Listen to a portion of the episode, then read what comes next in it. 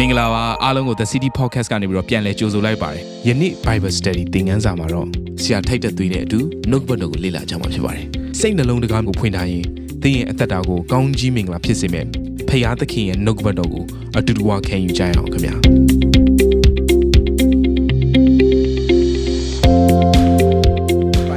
ရောက်ရှိလာပြီဖြစ်တယ်။တန်ရှင်သောဝိညာဉ်တော်ထဲ၌ဗတ္တိဇံခံခြင်း the baptism in the holy spirit ဆိုတော့ရှေ့မှာအပိုင်း၃ထိကျွန်တော်ဝင်ကားခဲ့ပြီးပါပြီ။အပိုင်း၃ကတော့ the ministry of the holy spirit တန်ရှင်သောဝိညာဉ်တော်ဖခင်ရဲ့အမှုဆောင်ခြင်းဖြစ်ပါတယ်။တန်ရှင်သောဝိညာဉ်တော်ဖခင်ကျွန်တော်ရဲ့အသက်တာမှာဘယ်လိုအမှုဆောင်ပေးသလဲ။အဲ့ဒါကိုနားလည်မယ်ဆိုရင်ဒီနေ့ တန်ရှင်သောဝိညာဉ်တော်အထင်း၌ပဋိသင်ခံခြင်းကိုတာ၍နားလည်စရာအကြောင်းရှိပါတယ်ဆိုတော့မကြည့်ရသေးတော့သူများကအဲ့ဒါကတကယ်ပဲကျွန်တော်တို့အရေးကြီးတဲ့အကြောင်းပြန်ပြီးကြည့်စေလိုပါတယ်ဒါပေမဲ့ဒီနေ့မှာကျွန်တော်ပြောသွားတဲ့အကြောင်းအရာနဲ့ဆက်ဆက်မှုရှိစေဖို့ရလုံးကကျွန်တော်နည်းနည်းလေးအဲ့ဒါလေးကိုပြန်ပြောမှအနှစ်ချုပ်ပြီးတော့မှပြောပြချင်ပါတယ်ဝိညာဉ်တော်ဘုရားကကျွန်တော်ရဲ့အသက်တာထဲမှာအမှုဆောင်ပြီးတဲ့အခါမှာအခန်းကဏ္ဍ၃မျိုးနဲ့ပုံစံ၃မျိုးနဲ့အမှုဆောင်ပေးပါတယ်ပထမဆုံးတစ်ခုကတော့ pneuma လို့ခေါ်တဲ့ရှင်ချင်းအသက်ကိုကျွန်တော်ထဲမှာထည့်ပေးတာဘယ်အချိန်မှာရတယ်လဲဆိုယေရှုခရစ်တော်မိမိရဲ့အသက်ခင်ကယ်တင်ပိုင်ရှင်ဖြစ်ယုံကြည်လက်ခံလိုက်တဲ့အခါမှာဝိညာဉ်တော်ဘုရားကကျွန်တော်ရဲ့အထင်မှာတစိတ်ခတ်ပေးတယ်ကျွန်တော်တို့ကဖခင်ရဲ့သားဖြစ်သွားတဲ့အခွင့်ကိုရရသွားတယ်အလင်းတော်ရဲ့နိုင်ငံတော်သားဖြစ်သွားတယ်ဝိညာဉ်တော်ဘုရားတစိတ်ခတ်ပေးတာဖြစ်ပါလေဝိညာဉ်တော်ဘုရားလုံလုံလျားလျားအုပ်ဆိုးခြင်းမဟုတ်သေးပါဘူးဆိုတဲ့အခါမှာကျွန်တော်ရဲ့အသက်တာထဲမှာတန်ရှင်းသောဝိညာဉ်တော်ဘုရားကိုလုံလုံလျားလျားအုပ်ဆိုးပွင့်အလုံးကနေရာပေးဖို့လိုအပ်လာတယ်ဆိုတော့ယေရှုခရစ်တော်ကိုယုံကြည်လိုက်ခြင်းအဖြစ်ညူးမလို့ခေါ်တဲ့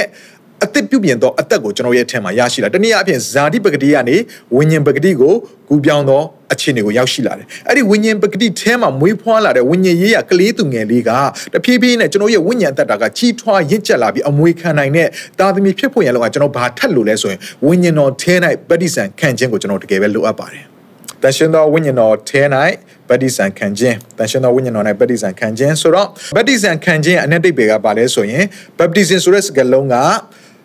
ဒါက Greek စကားလုံးကနေယူလိုက်တာဖြစ်တယ် Greek စကားလုံးမူရင်းစကားလုံးက baptizo ဖြစ်ပါတယ်သူရဲ့အဓိပ္ပာယ်က to immerse နော် immerse in နော်လုံလုံလျလျနှိမ့်မြုပ်ခြင်းလုံလုံလျလျနှိမ့်မြုပ်ရန်ဆိုတဲ့အဓိပ္ပာယ်ဖြစ်ပါတယ် baptizo ဆိုတဲ့စကားလုံးလေးကိုနားလည်ပွင့်ရန်လုံကကျွန်တော်ဥမာလေးတစ်ခုပြောပြချင်တယ်ကျွန်တော်နယ်ဒီမှာဆိုရေတွင်းတွေရှိကြတယ်အခုရန်ကုန်မြို့မှာတော့ရေတွင်းတွေကတော်တော်လေးရှားသွားပြီအဝီစီရေကိုရေမော်တာနဲ့တင်ကြတယ် ဆိုခလုတ်လေးဖွင့်လိုက်တာနဲ့ရေကရောက်လာပြီဒါပေမဲ့နေမှာဆိုရင်တော့ကျွန်တော်ရေတွင်းတွေမှာရေကိုခတ်ရတယ်ရေခတ်တဲ့ခါမှာဘာလို့ရလဲဆိုရင်ကျွန်တော်ရေပုံးတွေမှာကျိုးချီပြီးတော့မှရေရေပုံးကို short ချလိုက်ရတယ် short ချတဲ့ခါမှာရေပုံးကရေပေါ်ကိုကျသွားတယ်ကြကြချင်းမှာချက်ချင်းဆွဲတင်မယ်ဆိုရေကပါမလာဘူးအဲ့တော့သူ့ကိုရေပုံးမြုပ်အောင်ချရတယ်ဆိုတော့တဝက်လောက်မြုပ်သွားရင်ဆွဲတင်လိုက်တစ်ခွက်ပဲပါမယ်ဒါပေမဲ့ရေပုံးအပြည့်ပါခြင်းလဲဆိုကျွန်တော်ဘာလို့ရလဲရေပုံးကရေထဲကိုလုံးဝမြုပ်သွားတဲ့အထိကျိုးကို short ချပေးတဲ့ခါမှာရေပုံးကရေအောက်ထဲကိုမြုပ်သွားတယ်မြုပ်သွားတဲ့ခါမှာဆွဲတင်လိုက်တဲ့ခါမှာ ရေကအပြည့်ပါလာတယ်ဘပ်တီဆိုဆိုတဲ့အဓိပ္ပာယ်ကအဲ့ဒါဖြစ်တယ်ရေပုံးကအပေါ်ယံလေးပေါ်နေတာမဟုတ်ဘူးတဝက်လေးမြုပ်နေတာမဟုတ်ဘူးသုံးပုံတပုံလောက်ပဲကြံတော့တဲ့အထိမြုပ်နေတာလည်းမဟုတ်ဘူးလုံလုံလျားလျားဟိုးရေအောက်ထဲထိရောက်သွားတာကိုဆိုလိုခြင်းဖြစ်တယ်ဒါကြောင့်ကျွန်တော်တို့တွေကနော်နှုတ်ဘတ်တော်ကဘပ်တီဇင်လို့သုံးနှုန်းထားတဲ့အတွက်ကြောင့် လုံလုံလျက်လျက်နစ်မြုပ်ခြင်းဆိုတာကိုတုံတုံထားရကြောင်းကျွန်တော်တို့ကရေဖြန်းခြင်းတွေရေလောင်းခြင်းတွေထက်ရေထဲမှာရေနစ်ချင်းမင်္ဂလာပြည့်တဲ့ခါမှာရေထဲမှာလုံလုံလျက်နစ်မြုပ်လိုက်တဲ့အရာကိုကျွန်တော်တို့ကယုံကြည်လက်ခံသုံးဆွဲတာဖြစ်ပါတယ်။ကျမ်းစာထဲမှာဖော်ပြတဲ့ဗတ္တိဇံကတော့9မျိုးရှိပါတယ်။အဲ့ဒီ9မျိုးမှာအရင်ဦးဆုံး3မျိုးကတော့ဒီနောက်မှာခံယူရမယ့်ဗတ္တိဇံ4မျိုးကိုဖော်ပြတဲ့လှုပ်ဆောင်တဲ့ကြိုတင်ပြုပြင်တဲ့လှုပ်ဆောင်ချက်ဖြစ်ပြီးတော့မှကျန်တဲ့၄မျိုးကတော့ကျွန်တော်တို့အတွက်မရှိမဖြစ်လိုအပ်တဲ့ဗတ္တိဇံခံခြင်းဖြစ်တယ်။ တင့်အနေနဲ့ဘယ်ဘက်တိဆောင်ကိုသင်ခံယူထားတယ်လဲကျွန်တော်ဒီနေ့မှာလေ့လာမယ်ဆိုတော့အဲ့၄ခုကိုကျွန်တော်အထူးသဖြင့်ပြောမယ်ဒါပေမဲ့၄ခုမှာ၃ခုပဲကျွန်တော်ဒီနေ့ဒီပိုင်းလေးမှာပြောသွားမယ်ကျန်တဲ့တစ်ခုတော့ကျွန်တော်ခြံထားမယ်အဲ့ဒါကတော့မိမိဘာသာရှာဖွေပြီးတော့မှစားသုံးပါဆိုတော့ဒီ၃ခုလေးကိုကျွန်တော်ဆက်ပြီးပြောသွားခြင်းတယ်အဲ့တော့အရင်ဦးဆုံးကျွန်တော်တို့ခံယူရမယ့်ဗတ္တိဇံဆိုတာရှိပါတယ်ဒီဗတ္တိဇံကတော့ခရစ်တော်တဲ့၌ဗတ္တိဇံခံခြင်းဂလာတိအခန်းကြီး3အငယ်26 28ကိုဖတ်ရအောင် အဘယ်သူနည်းဟုမူကားသင်တို့အပေါင်းသည်ယေရှုခရစ်ကိုယုံကြည်သဖြင့်ဖျားသခင်၏သားဖြစ်ကြ၏ခရစ်တော်၌ဗတ္တိဇံကိုခံတော်သူရှိသမျှတို့သည်ခရစ်တော်ကိုယူတင်ဝတ်ဆောင်တော်သူဖြစ်ကြ၏ယေရှုခရစ်၌ယူဒလူမရှိဟေလတလူမရှိ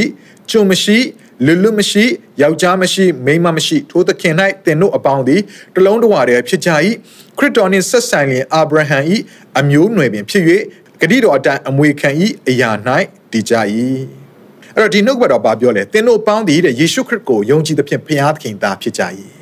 ယေရှုခရစ်တော်ကိုကျွန်တော်ရဲ့အသက်သခင်ကယ်တင်ရှင်ဖြစ်ယုံကြည်လက်ခံလိုက်တဲ့အခါမှာ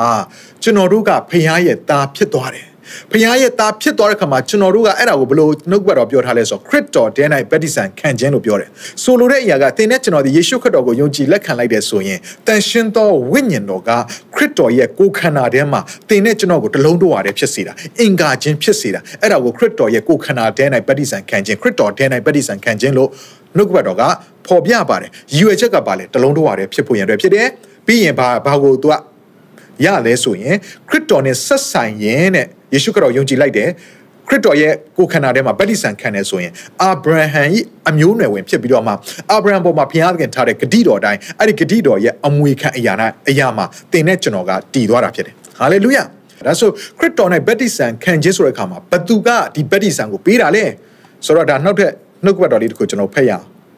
တေကောခန်းကြီး7နှစ်အငယ်73 အကြောင်းမူကားယူဒာလူဖြစ်စေဟေလတလူဖြစ်စေကျွန်ဖြစ်စေလူလူဖြစ်စေငါတို့ရှိသမျှသည်ဝိညာဉ်တော်တပါးတဲ့အဖြစ်တကိုယ်တည်းသို့ဗတ္တိဇံကိုခံကြ၏ငါတို့ရှိသမျှသည်တစိတ်တဝိညာဉ်တည်းသို့လည်းတောက်ကြ၏တဲ့ဆိုတော့တကိုယ်တည်းတနည်းအားဖြင့်ခရစ်တော်ရဲ့ကိုယ်ခန္ဓာ ယေရှုခရစ်တော်ရဲ့ကိုယ်ခန္ဓာထဲမှာကျွန်တော်တို့ကိုဝိညာဉ်တော်ဘုရားကတလုံးတဝါတည်းဖြစ်စေပွင့်ရလို့ငါဗတ္တိဇံကိုပေးလိုက်တယ်။ဒါကြောင့်ကျွန်တော်တို့ကကွဲပြားသောသူတွေမဟုတ်ဘူး။သင်ကအာ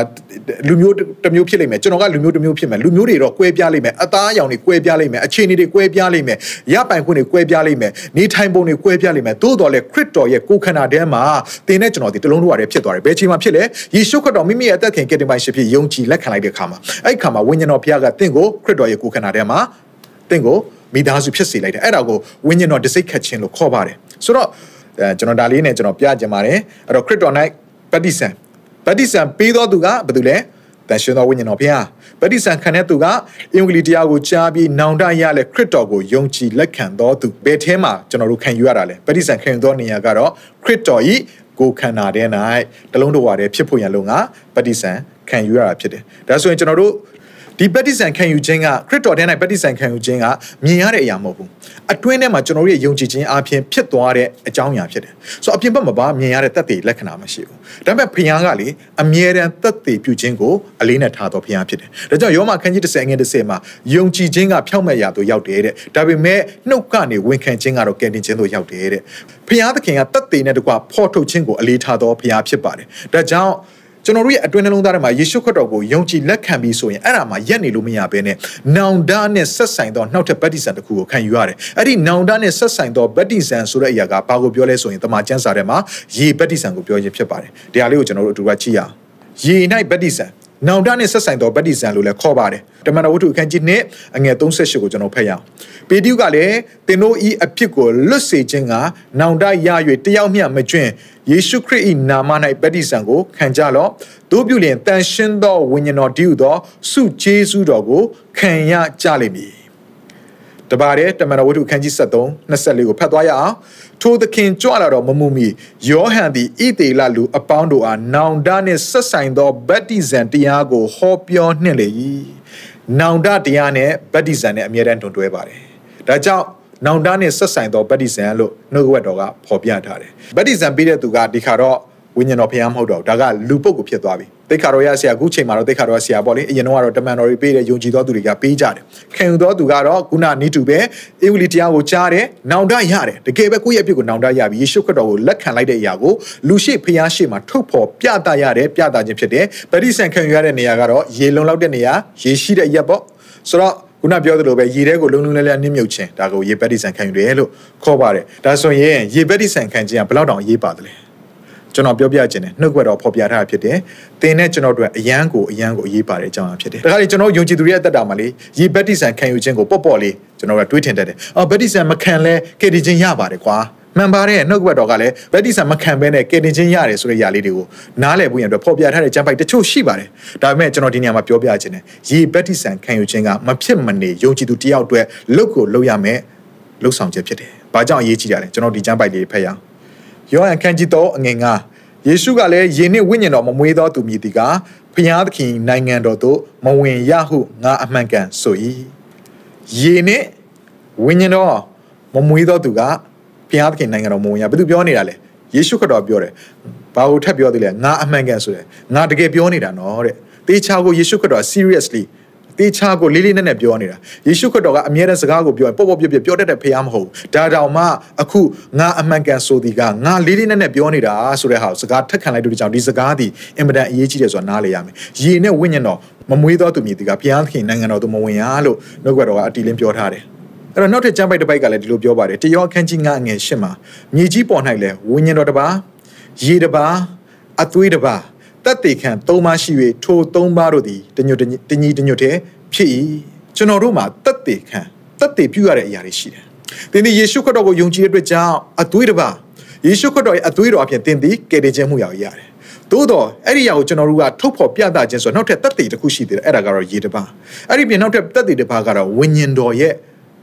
အတိပြုခြင်းအတိမတ်ပြုခြင်းဆိုတဲ့တက်တည်၃ပါး ဒီတက်တည်ခံ၃ပါးရှိရဲဆိုတာကိုကျွန်တော်တို့နားလည်ရမှာဖြစ်တယ်။ဒါဆိုနောက်ထပ်တစ်ပေအခန်းကြီး၃အငယ်21ကိုလည်းတစ်ခါတည်းဆက်ပြီးဖတ်ရအောင်နော်။ထို့သောသောဥပမာတိုင်းယခုတွင်ဗတ္တိဆန်သည်ယေရှုခရစ်ထမြောက်တော်မူသောအဖြစ်ငါတို့ကိုကယ်တင်တတ်၏ဗတ္တိဆန်ဟုဆိုသောကိုကာယ၏အညစ်အကြေးစေးကြောခြင်းကိုမဆိုလိုကိုကိုကိုတည်သောစိတ်ကြည်လင်၍ဖျားခင်ရှေ့၌ဝန်ခံခြင်းကိုဆိုလိုသည်ဒီနေရာမှာဗတွေ့ရလဲဆိုရင်ဗတ္တိဆန်ကယေရှုခရစ်တော်ထမြောက်တော်မူသောအဖြစ်ငါတို့ကိုကယ်တင်တတ်တယ်တဲ့ဆိုတော့ဘာကြောင့်ကယ်တင်တယ်လို့ဒီနေရာမှာပြောရတာလဲ ဆိုတော့ဗတ္တိဆန်ခံယူခြင်းဆိုတဲ့အခါမှာတဲ့ရေထဲမှာနစ်မြုပ်လိုက်တဲ့အခါမှာကိုယ်ခန္ဓာရဲ့အညစ်အကြေးတွေကိုစေးကြောဖို့တော့လောက်တာမဟုတ်ဘဲနဲ့ကိုကိုကိုတိတော်စိတ်ကြည်လင်တာကိုအတွင်းထဲမှာလုံးဝဆုံးဖြတ်ချက်ခိုင်မာသွားတယ်ဆိုတဲ့အရာကိုလူရှိဖျားရှိမှာထုတ်ဖော်ပြသလိုက်ရတဲ့ကြောင့်ဆုံးဖြတ်ချက်ကိုယ့်ရဲ့စိတ်အတွင်းစိတ်ကကြည်ကြည်လင်လင်ဖြစ်သွားတယ်အဲ့ဒီပြင်ဘာကိုတွေ့ရလဲဆိုရင်ဘုရားသခင်ရှေ့၌ဝန်ခံခြင်းကိုဆိုလိုသည်ဘုရားသခင်ရှေ့ကိုဝန်ခံခြင်းလို့ဘုရားကတတ်မှတ်တယ်ဗတ္တိဇံခံယူခြင်းဆိုတာကဘုရားသခင်ရှေ့မှာဝန်ခံခြင်းဖြစ်တယ်ဆိုတော့ကျွန်တော်နားလည်ရမယ်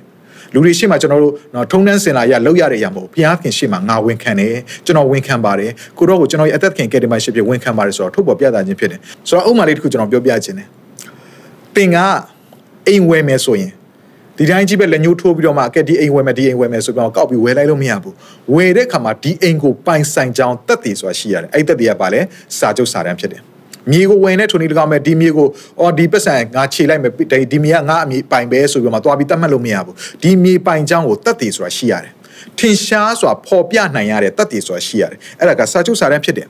လက်ထက်ထိမ်းများတဲ့ခါမှာလည်းထုံနေ၎င်းပဲလက်ထက်ထိမ်းများတဲ့ခါမှာဒီအမျိုးသမီးကိုကျွန်တော်ပိုင်တယ်ဒီအမျိုးသားကိုကျွန်မပိုင်တယ်ဆိုတဲ့အရာကိုဘာအဖြစ်ထင်ရှားရလဲစာချုပ်စာတမ်းလက်ထက်စာချုပ်ပါတယ်လို့နောက်တစ်ခုကကျွန်တော်တို့နော်တင်းဥဆရာတွေအများနဲ့မေးရတဲ့အရာကကဲဒါဒီမင်္ဂလာဆောင်ခြင်းမှုရာကိုတက်တည်ပြသနိုင်မယ့်အရာတစ်စုံတစ်ခုရှိပါသလားယူလာပါသလားဆိုရင်လက်ထက်လက်စွပ်ဆိုတာရှိရတယ်အမျိုးသားကအမျိုးသမီးကိုဝတ်ပေးရတယ်အမျိုးသမီးကအမျိုးသားကိုဝတ်ပေးရတယ်ဒီလက်ထက်လက်စွပ်ဒီဟာကဘာလဲမင်္ဂလာတက်တည်ထိမ်းများခြင်းရဲ့တက်တည်ဖြစ်တယ် ထင်ရှားတဲ့တက်တည်ထုတ်ဖော်ပြသရတဲ့တက်တည်သူ့ကိုကိုပိုင်နေကိုကသူ့ကိုပိုင်နေဆိုတဲ့တက်တည်ပြုခြင်းဖြစ်တယ်။ထိုနည်း၎င်းပဲကျွန်တော်တို့ယုံကြည်သူတက်တာထဲမှာယေရှုခရစ်တော်ကိုယုံကြည်ယုံလေးနဲ့အပြင်ဘက်မှာဘာလက္ခဏာမှထုတ်ဖော်ပြသခြင်းမရှိဘဲနဲ့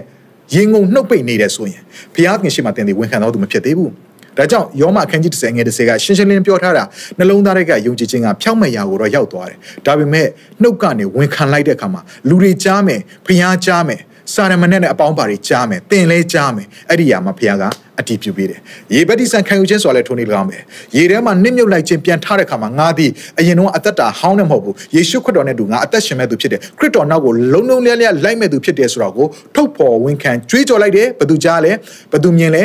ဖျားကြားတယ်ဖျားမြင်တယ်လူတွေကြားတယ်လူတွေမြင်တယ်စာရမဏေအပေါင်းပါတွေကြားတယ်ကောင်းကင်တမန်တွေကြားတယ်ကောင်းကင်တမန်တွေမြင်တယ်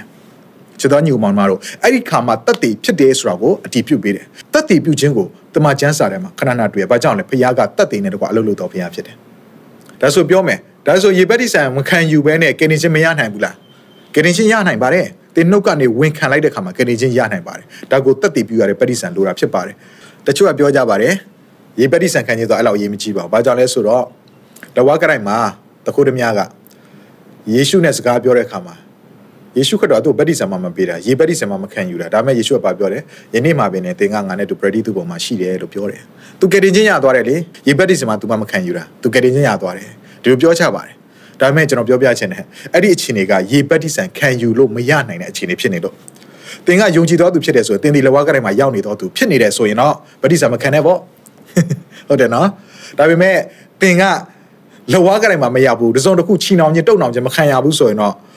ပင့်ရတတာမှာယေရှုခရစ်တော်ကိုယုံကြည်ကြောင်းဖျားရှိသူရှိမှထုတ်ဖော်ပြသတဲ့ရေပက်တိဆန်ခံယူဖို့တော့အင်မတန်အရေးကြီးပါတယ်။ချွင်းချက်အနေနဲ့လဝါကရိုင်ပေါ်ရောက်နေတဲ့ဓမြအတွက်ကိုတော့ဖျားကရေပက်တိဆန်ပေးဖို့အခြေအနေမရတော့တဲ့အတွက်ကြောင့်တတခါတည်းပရိဒီတုပုံကိုခေါ်သွားတာဖြစ်တယ်ဒါပေမဲ့အချိန်သာရခဲ့မယ်ဆိုရင်သူဒီလည်းပဋိစံခံနိုင်တဲ့သူတယောက်ဖြစ်လာလိမ့်မယ်ဒါဆိုရင်ဝိညာဉ်တော်၌ပဋိစံခံခြင်းဆိုတာပါလေရှမကုခန်းကြီးတဲ့အငယ်ရှိကိုဖတ်ရငါသည်တင်တို့အားရေ၌ပဋိစံကိုပေး၏ ထိုသူသည်တန်ရှင်းသောဝိညာဉ်တော်၌တင်တို့ကိုပဋိစံပေးမည်ဟုဟောသည်ဒါကယောဟန်ကပြောနေတာဖြစ်တယ်ငါကတင်တို့ကိုရေ၌ပဋိစံပေးတယ်တဲ့ထိုသူသည်ထိုသူသည်ဆိုတာဘယ်သူပြောနေရလဲယေရှုခရစ်တော်ကိုပြောနေခြင်းဖြစ်တယ်ယေရှုခရစ်တော်ကတဲ့တန်ရှင်သောဝိညာဉ်တော်၌တင်တို့ကိုပဋိစံပေးမယ် နောက်ယောဟန်အခန်းကြီး1ငယ်33မှာဗာတွေ့ရလဲအစကထိုသူကိုငါမသိရေ၌ဗတ္တိဇံကိုပေးစေခြင်းကငါကိုဆေလွတ်တော်မူသောသူကအကျဉ်သူ၏အပေါ်၌ဝိညာဉ်တော်ဆင်းသက်၍နားတော်မူသည်ကိုသင်သည်မြင်လျင်ထိုသူကတန်ရှင်သောဝိညာဉ်တော်၌ဗတ္တိဇံကိုပေးတော်သူပေဒီဟုမိန်တော်မူသည်နှင့်အညီဝိညာဉ်တော်ဗတ္တိဇံကိုပေးတော်သူကယေရှုခရစ်တော်ဘုရားဖြစ်တယ်ဗတ္တိဇံကိုခံယူတော်သူကတော့ဒုတိယမွေခြင်းခံပြီးတော်သူဖြစ်တယ်ယေရှုခရစ်တော်ယုံကြည်ပြီးတော်သူကိုပြောခြင်းဖြစ်တယ်ဗတ္တိဇံခံယူသောနေရာကတော့ တန်ရှင်သောဝိညာဉ်တော်ထဲ၌ဖြစ်ပါတယ်ကျွန်တော်တို့ဒီယေရှုခရစ်တော်ကိုယုံကြည်လိုက်တာနဲ့ယေပတိဆန်ကိုခံယူလိုက်တာနဲ့ချက်ချင်းပဲတန်ရှင်သောဝိညာဉ်တော်ထဲ၌ပတိဆန်ခံယူခြင်းကျွန်တော်ရသွားသလားဘာကွာချမ်းတယ်ကျွန်တော်ကြည့်ရအောင်နော်ဒီမေခွန်းလေးကိုကျွန်တော်တို့ကြည့်အောင်ဒုတိယမွေးခြင်းခံပြီးယေပတိဆန်ခံခြင်းနဲ့ဝိညာဉ်တော်၌ပတိဆန်ခံခြင်းတူပါသလား ကျမ်းစာတွေကဖော်ပြထားတဲ့အဖြစ်ပြက်၃ခုကိုကျွန်တော်ဒီနေရာမှာပြောသွားခြင်းတယ်ဒါဆိုရင်ဒီအဖြစ်ပြက်၃ခုလေ့လာပြီးရင်သိနေနဲ့အများကြီးရှင်းလင်းသွားလိမ့်မယ်လို့ကျွန်တော်ယုံကြည်ပါတယ်ဆိုတော့အရင်ဦးဆုံးပထမဦးဆုံးအဖြစ်ပြက်ကတော့တမန်တော်ဝတ္ထုခန်းကြီး၈အငယ်၁၄စက္ကွန်မှာရှိပါတယ်ဒူရဖက်ရအောင်ရှမာရိမြို့သားတို့သည်ဖျားသခင်နှုတ်ကပတ်တရားတော်ကိုခံယူကြပြီးဟုယေရုရှလင်မြို့၌ရှိသောတမန်တော်တို့သည်တည်င်းကြားလျင် ပေတရုနှင့်ယောဟန်တို့ကိုဆေလွတ်ကြ၏ထိုမြို့သူမြို့သားတို့သည်သခင်ယေရှု၏နာမ၌ဗတ္တိဇံကိုခံယုံမျှတာရှိသဖြင့်တစုံတယောက်သောသူအပေါ်၌တန်ရှင်းသောဝိညာဉ်တော်သည်တက်ရောက်တော်မမူသေးသည်ဖြစ်၍တမန်တော်တို့သည်ရောက်ကြလျင်ဝိညာဉ်တော်ကိုခံရမည်အကြောင်းထိုမြို့သူမြို့သားတို့ကိုဆုတောင်း၍ထိုသူတို့အပေါ်၌လက်ကိုတင်သောအားဖြင့်သူတို့သည်တန်ရှင်းသောဝိညာဉ်တော်ကိုခံရကြ၏ရှမာရိမြို့သူမြို့သားတွေရှမာရိမြို့သူမြို့သားဆိုတာကကပြားတွေဖြစ်တယ် ဂျူးတဝက်နော်တခြားဂျန်တိုင်းလို့ခေါ်တဲ့တဘာမျိုးသားတွေနဲ့လက်ထက်ထိမ်းများပြီးတော့မှမွေးဖွားလာတဲ့ခါမှာဂျူးတဝက်တခြားတဘာမျိုးသားတဝက်ဖြစ်နေတဲ့သူတွေပေါ့နော်ကာပြားတွေဆိုတော့အဲ့တော့ဂျူးလူမျိုးတွေကဗာတက်မှထားတယ်သူတို့ကမျိုးမစစ်တဲ့အဖွဲ့တွေဆိုပြီးတော့မှကျင်ဖယ်ထားခြင်းကျင့်ခြင်းကိုခံရတဲ့သူတွေဖြစ်ကြတယ်ရှမာရိမျိုးသားတွေဆိုတဲ့အကြောင်းအရာကိုပြောတဲ့အခါမှာမိသားစုများအနေနဲ့ story လေးတစ်ပုဒ်ကိုသွားပြီးတတိယမိလိမ့်မယ်ယေရှုခရစ်တော်ဘုရားကရှမာရိမျိုးတော်မှာရှိနေရေတွင်းနားမှာသူနားတဲ့အခါမှာ ရှမိုင်းမြို့ထဲကနေပြီးတော့အမျိုးသမီးတစ်ယောက်ကရေလာခတ်တယ်ဒီကြောင့်ရတယ်အားလုံးသိပါလိမ့်မယ်အဲ့ဒီရေလာခတ်တဲ့ချိန်မှာယေရှုခရစ်တော်ကကိုးကွယ်ခြင်းနဲ့ဆိုင်တဲ့အင်မတန်နဲ့နေတဲ့နှုတ်ကပတ်တော်ကိုဖော်ပြတယ်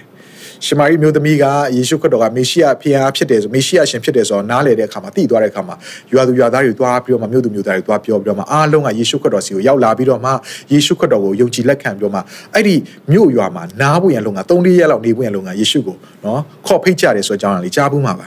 ဆိုတော့ယေရှုခရစ်တော်ကကားတိုင်းမှာမတက်ရသေးခင်အချိန်ကလေးကအဲ့ဒီမြို့မှာရှိနေတဲ့ ဂျူးလူမျိုးတွေဖယ်ထားခြင်းခံရတဲ့ရှမာရိမြို့သူမျိုးသားတွေကမျိုးစေ့ကိုရထားပြီးသွားပြီဖြစ်တယ်။အဲ့တော့တမန်တော်တွေကဝိညာဉ်တော်ရပြီးတော့မှအင်္ဂလိပ်တရားဟောတဲ့အခါမှာရှမာရိမြို့သူမျိုးသားတွေစီရောက်သွားတယ်။ရောက်သွားတဲ့အခါမှာချက်ချင်းပဲငကိုတွေကချထားတဲ့မျိုးစေ့ရှိတဲ့အတွက်ကြောင့်သူတို့ကချက်ချင်းဖရားကိုလက်ခံကြတယ်။ယေရှုခရစ်တော်ကိုယုံကြည်လက်ခံတဲ့အခါမှာတဲ့ယေရှုခရစ်တော်ယုံကြည်လက်ခံပြီးဆိုတဲ့သတင်းကိုကြားရတဲ့တမန်တော်တွေကိုဆေလွှတ်လိုက်တယ်။တမန်တော်မှာပေတရုနဲ့ယောဟန်တို့ကအဲ့ဒီရှိတဲ့နေရာကိုထိုမြို့သူမျိုးသားတွေရှိတဲ့နေရာကိုသွားတဲ့အခါမှာသခင်ယေရှုနာမ၌ဗတ္တိဇံကိုခံယူမျှတာရှိသဖြင့် ရှေ့မှာတွားထားတဲ့တပည့်တော်တွေကဗတ္တိဆံကိုယေရှုနာမ၌ဗတ္တိဆံကိုပေးထားပြီးသားဖြစ်တယ်။အဲ့တော့ဒီဗတ္တိဆံကိုခံထားပြီးတော့မှတစုံတယောက်တော်သူပေါ်မှာမှာတဲ့တန်ရှင်သောဝိညာဉ်တော်ဘုရားကတက်ရောက်တော်မမူသေးတဲ့အတွက်ကြောင့်တဲ့သူတို့ပေါ်မှာလက်ကိုတင်ပြီးဆူတောင်းတဲ့ခါမှာတန်ရှင်သောဝိညာဉ်တော်ကိုခံရကြတယ်။ဒါဆိုရင်သူတို့ဒီယေဗတ္တိဆံကိုတော့ခံယူပြီးသွားပြီ။သို့တော်လည်းဝိညာဉ်တော်ထဲ၌ပတ္တိဆံခံယူခြင်းကိုမရသေးဘူး။ဒါပေမဲ့အခုလာပြီးတော့မှလက်တင်ပြီးဆူတောင်းပြီးတဲ့ခါမှာဝိညာဉ်တော်ပတ္တိဆံခံယူခြင်းကိုသူတို့ရသွားတယ်။နောက်တဲ့အဖြစ်ပြက်လေးဒုတိယဖြစ်ပြက်လေးကိုကျွန်တော်တို့ကြည့်ရအောင်။ ဒုတိယဖြစ်ပြမှာတော့တမန်တော်အခန်းကြီး30အငယ်45နဲ့48မှာတွေ့ရပါတယ်။တပါမျိုးသားတို့အပေါ်သို့တန်ရှင်သောဝိညာဉ်တော်၏ကျေးဇူးကို သွန်းလောင်းသောကြောင့်အေဖျားလှီးခြင်းကိုခံတော်သူတည်းသောပေတျုနှင့်ပါသမျှသောတပည့်တော်တို့သည်မိန်မောတွေ့ဝေခြင်းရှိကြ၏အကြောင်းမူကားထိုသူတို့သည်အမျိုးမျိုးသောဘာသာစကားအဖြစ်ပြော၍